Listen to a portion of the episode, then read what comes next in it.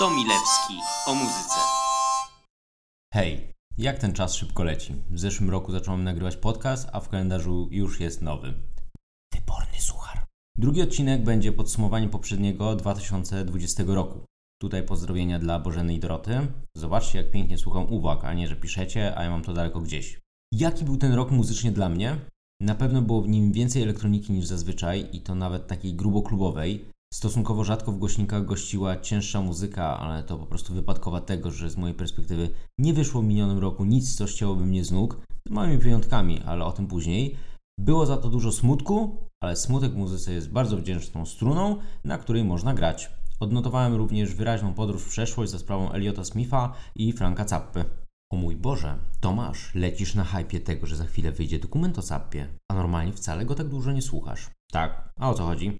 Okej, wracając z tej cudownej dygresji, która miała za zadanie tylko zwrócić Waszą uwagę na ten film. Wyraźnie 2020 zdominowały w muzyce, której słuchałem, kobiety. Niezależnie od gatunku i bardzo mnie się to podoba. W roku, w którym pewnego rodzaju, użyjmy tutaj eufemizmu, dyskomfort spotykał pewnie każdego z nas, na ratunek przybywają one. Fajnie.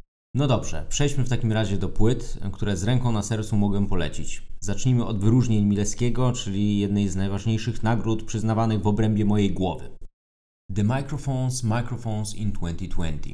Pierwsza płyta od bardzo długiego czasu The Microphones. Oczywiście wiadomo, że Phil Elverum wydawał w międzyczasie albumy pod szyldem Mount Airy, ale powrót do swojego najstarszego projektu to trochę jak mini wydarzenie dla fanów ascetycznej muzyki spod znaku głos plus gitara plus lofi jako droga życia. Na płycie mamy jeden 40-minutowy utwór, w którym artysta nieśpiesznie wędruje sobie przez wszystkie możliwe szufladki przeszłości. Nie robi tego, żeby się z czymś zmierzyć, robi to dla samej idei nostalgii. Tak po prostu. Osobiście uważam, że jest to urocza pochwała życia w jego najprostszej formie. Jeżeli komuś nie przeszkadza tylko stylistyka, w której nie wszystko brzmi pięknie i czysto, a uwielbia, kiedy muzyka jest na wskroś prawdziwa, powinien zapoznać się z tym albumem. Eve Tumor Heaven to Tortured Mind. Neopsychodela stała się na przestrzeni ostatnich lat bardzo prężnie rozwijającym się gatunkiem muzycznym, a Eve Tumor jest na pewno jednym z najlepszych ambasadorów. Jeżeli chcecie zobaczyć jak wygląda ten trend, sięgnijcie po ten album. Oprócz zaspokojenia swojej ciekawości, znajdziecie tam bardzo zgrabne, transcendentalne kompozycje, które będą łączyły w sobie popową nośność, ciekawą elektronikę, gładki funkowy bas czy solówki gitarowe a la Prince, a wszystko to podane w bardzo świeżej formie. Julianna Barwick Healing is a Miracle to jest bardzo ładna płyta z ambientową muzyką opartą na churalnych wokalizach, subtelnych przestrzennych harmoniach dźwiękowych, raz wyższych, raz niższych. Ktoś kiedyś ładnie określił, że jest to taka heavenly music i, i to bardzo dobrze oddaje to, jaki jest ten album. Przy takiej muzyce naprawdę dobrze można się zrelaksować. Serio. Sufjan Stevens, The Ascension. Jeden z moich ulubionych artystów ever. Album jest pierwszym od pięciu lat solowym wydawnictwem po Carrie Lowell. Tam mieliśmy bardzo intymną i estetyczną płytę, a tutaj znowu Sufjan zmienia kierunek i idzie w stronę ambientowego popu, gdzie nie zabraknie tony najróżniejszych dźwięków, układających się w miłe dla ucha melodie. Razem z kojącym głosem Stevensa po prostu nie sposób nie polubić tej płyty. Laura Marling, Song for Our Daughter. Jest to już siódmy album tej dziewczyny, której karierę śledzę od samego początku i jest to po raz kolejny materiał najwyższej próby. W sensie Laura nie wydaje złych płyt, jest piekielnie równa, a ja mam słabość do ładnych głosów i akustycznego grania. Emma Ruth Rundle and Tau. May Our Chambers Be Full. No i doczekaliśmy się pierwszego cięższego albumu. Emma to dziewczyna spod znaku PJ Harvey, a belgijski zespół Tau jest sludge metalowym walcem. Razem stworzyli niesamowicie klimatyczny album, ciężkie powolne riffy, mroczna atmosfera i gładki, ale rockowy kobiecy wokal. No dobra, w tle czasami ktoś powrzeszczy. Na serio warto. Tuż Amor, Lament. Drugi i zarazem ostatni mocniejszy akcent. Zespół gra muzykę, której normalnie nie słucham, czyli core, hardcore, zwał jak zwał. Emo teksty, trochę krzyku, ostre gitarowe riffy, okej. Okay. Tushamor robi to jednak tak dobrze i z tak wielkim polotem do komponowania ładnych melodii, że po prostu nie mogę powiedzieć o nich złego słowa. A wokalnie też dostajemy trochę dechu na śpiewanie, a nie scream. Zdecydowanie top 3 ich najlepszych płyt. The Garden. Kiss My Super Bowl Ring. Absurdalna art-punkowa płyta, sporo humoru, połamanych melodii i dziwacznych pomysłów aranżacyjnych. Na szczęście, w przeciwieństwie do poprzednich albumów, pewne ramy kompozycji nie rozpływają się w niekontrolowanym chaosie. Nad stroną produkcyjną te duo z Kalifornii również trochę popracowało i otrzymaliśmy płytę, która sprawia masę fanu. Hańba. Nikt nam nie zrobił nic. Jej! Pierwszy polski artysta. Ja mówię folk punk, wy słyszycie instrumentarium to banjo, akordeon, klarnet, tuba, perkusjonalia i wokale oczywiście. Muzyczna zabawa konwencją. Do tego otrzymujemy koncept album, który opowiada alternatywną historię Polski jako kraju, który wraz z aliantami w 1939 wygrywa II wojnę światową i staje się światową potęgą. Oczywiście w pewnym momencie największym wrogiem Polski staje się sama Polska. Jakie to zabawne i prawdziwe. Okej, okay, skończyłem z wyróżnieniami. To znaczy, szczerze, mógłbym jeszcze to długo ciągnąć, bo ten rok naprawdę był istnym wysypem dobrych płyt, ale nie skończyłbym tego wymieniania chyba nigdy. Dla samej przyzwoitości rzucę jeszcze kilka nazw, a w opisie tego odcinka znajdziecie playlistę z utworami artystów wymienionych w całym podcaście. Ok, zaczynam. Rina Sawayama, Perfume Genius, Arka, Dogleg, Porridge Radio, Roisin Murphy, Taylor Swift. Tak, tak, mówię o folklorze w razie co. Haim, Moses Sumney, Protomartyr. Już, dosyć bo zaraz znowu się zagalopuję. Dotarliśmy do top 10. Werble. Tak, pewnie myśleliście, że znajdę w internecie y, podkład werbli i on zostanie umieszczony w podcaście. LOL. Numer 10. Dua Lipa Future Nostalgia. Nazwa płyty mówi wszystko. Dua Lipa wzięła co najlepsze z popowej muzyki tanecznej lat 80., Madonny czy Kylie Minogue i połączyła to z obecnymi trendami. Wyszło po prostu super. Mimo, że nie tańczę, albo tańczą jak kłoda rzucona o ziemię, nie mogłem się powstrzymać, nawet w miejscach publicznych. Stąd też podobno dwie osoby straciły wzrok, trzecia przybywa w śpiączce. Numer 9. Kelly Lee Owens Inner Song. Album artystka potraktowała jako typowy katarzis. Był ból, który miał wiele źródeł, od toksycznego związku przez śmierć babci, depresję po degradację środowiska, a powstał świetnie zbalansowany album łączący świat techno z ambientowym popem. Z jednej strony eteryczny i subtelny, z drugiej tętniący niskim basem. Inner Song to muzyka klubowa w najlepszym duchowym wydaniu. Numer 8. Hania Rani Home.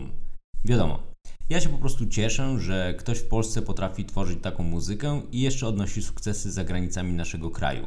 Słuchając drugiego solowego albumu Hani, mamy po prostu wrażenie, że obcujemy z prawdziwą sztuką i nie jest to tak naprawdę tylko wrażenie. Modern piano na światowym poziomie. Numer 7. Coles Doku Soap.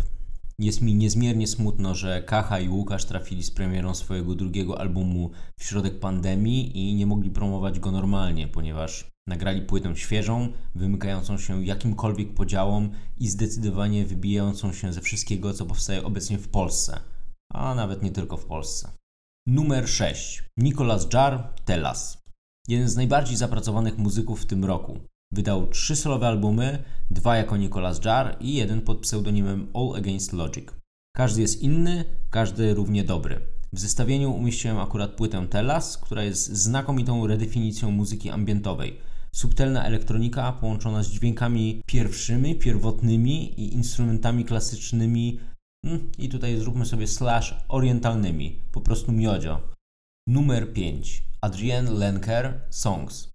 W 2019 dwie świetne płyty wydała jej matczyna grupa Big Thief, a rok później, już solo, Lenker wypuszcza rewelacyjny album, na którym kwieciste kompozycje oparte na ciepłych dźwiękach akustycznej gitary wspaniale współgrają z jej oryginalnym wokalem. Przeszywająco szczera muzyka. Numer 4. Anna von Hauswolf All Thoughts Fly. Ja mam po prostu słabość do ciekawego ambientu, a jeżeli ta szwedzka artystka tworzy minimalistyczną, neoklasyczną muzykę flirtującą z harmoniami, które są tutaj ważniejsze niż sama melodia, a dodatkowo robi to na organach, od czasu do czasu dodając ciekawe wokalizy, nie mogę takiej muzyki po prostu nie lubić. Zaczynamy podium. Numer 3. Fiona Apple Fetch the Bolt Catchers. Fanem Fiony Apple jestem od dawna. Jest to artystka, której można być pewnym, że jeżeli wydaje płytę, to jest ona automatycznie jednym z najlepszych albumów danego roku. Szkoda tylko, że zazwyczaj trzeba na to czekać około 7-8 lat. Ale warto. Unikatowo skonstruowane kompozycje, czasem zaskakująco proste, czasem z iście jazzową nonszalancją. Kreatywne podejście do głosu jako instrumentu, ale również dłoni, stóp, szczekania psów z pobliskich schronisk i ogólnie wszystkiego, co pewnie Fiona miała pod ręką. Zaangażowane społecznie teksty, cała paleta emocji, które są odczuwalne bezpośrednio z kompozycji, czy jest to strach, pewność siebie, agresja, smutek. Słuchanie tego albumu, mogą nawet powiedzieć, że jest on na pewnych płaszczyznach eksperymentalny, jest niesamowitym doświadczeniem.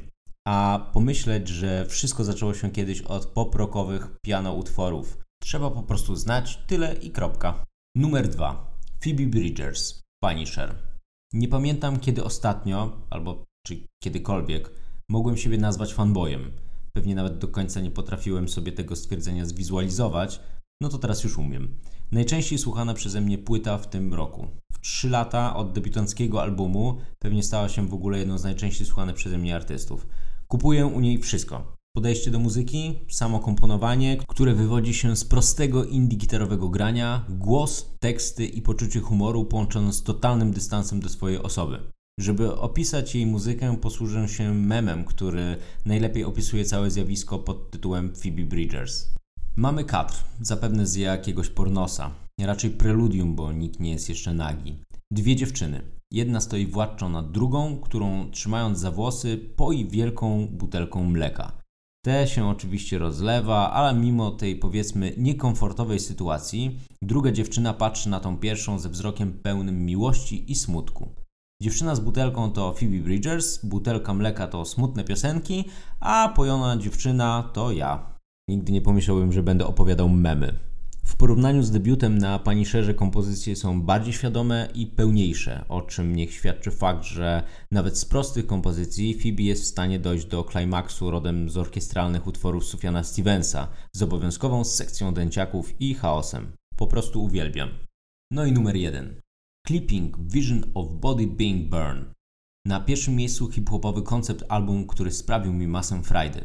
I tak, chyba ten odcinek będzie sponsorowany przez słowa sprawił mi masę frajdy. Clipping to dla mnie trochę spadkobiercy Dev Grips, jeżeli chodzi o niesienie pochodni pod tytułem eksperymentalny rap. Tych dwóch zespołów nie ma co porównywać, bo operują na trochę innej płaszczyźnie, ale oba wychodzą poza utarte schematy.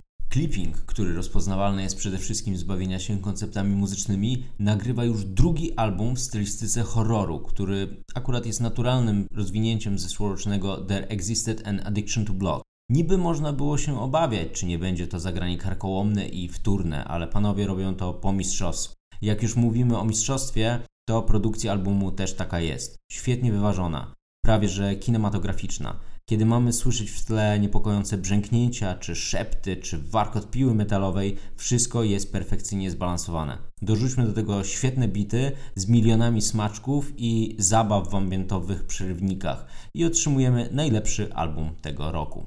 No i dotarliśmy do finału. Tak jak już wspominałem, w opisie odcinka znajduje się link do playlisty, gdzie jest wybór piosenek z albumów, o których mówiłem. I myślę, że to może być fajne. Więc zapraszam do słuchania i polecam się na przyszłość. Trzymajcie się i szczęśliwego nowego roku. O, proszę, o, teraz sobie przypomniałem. Elo!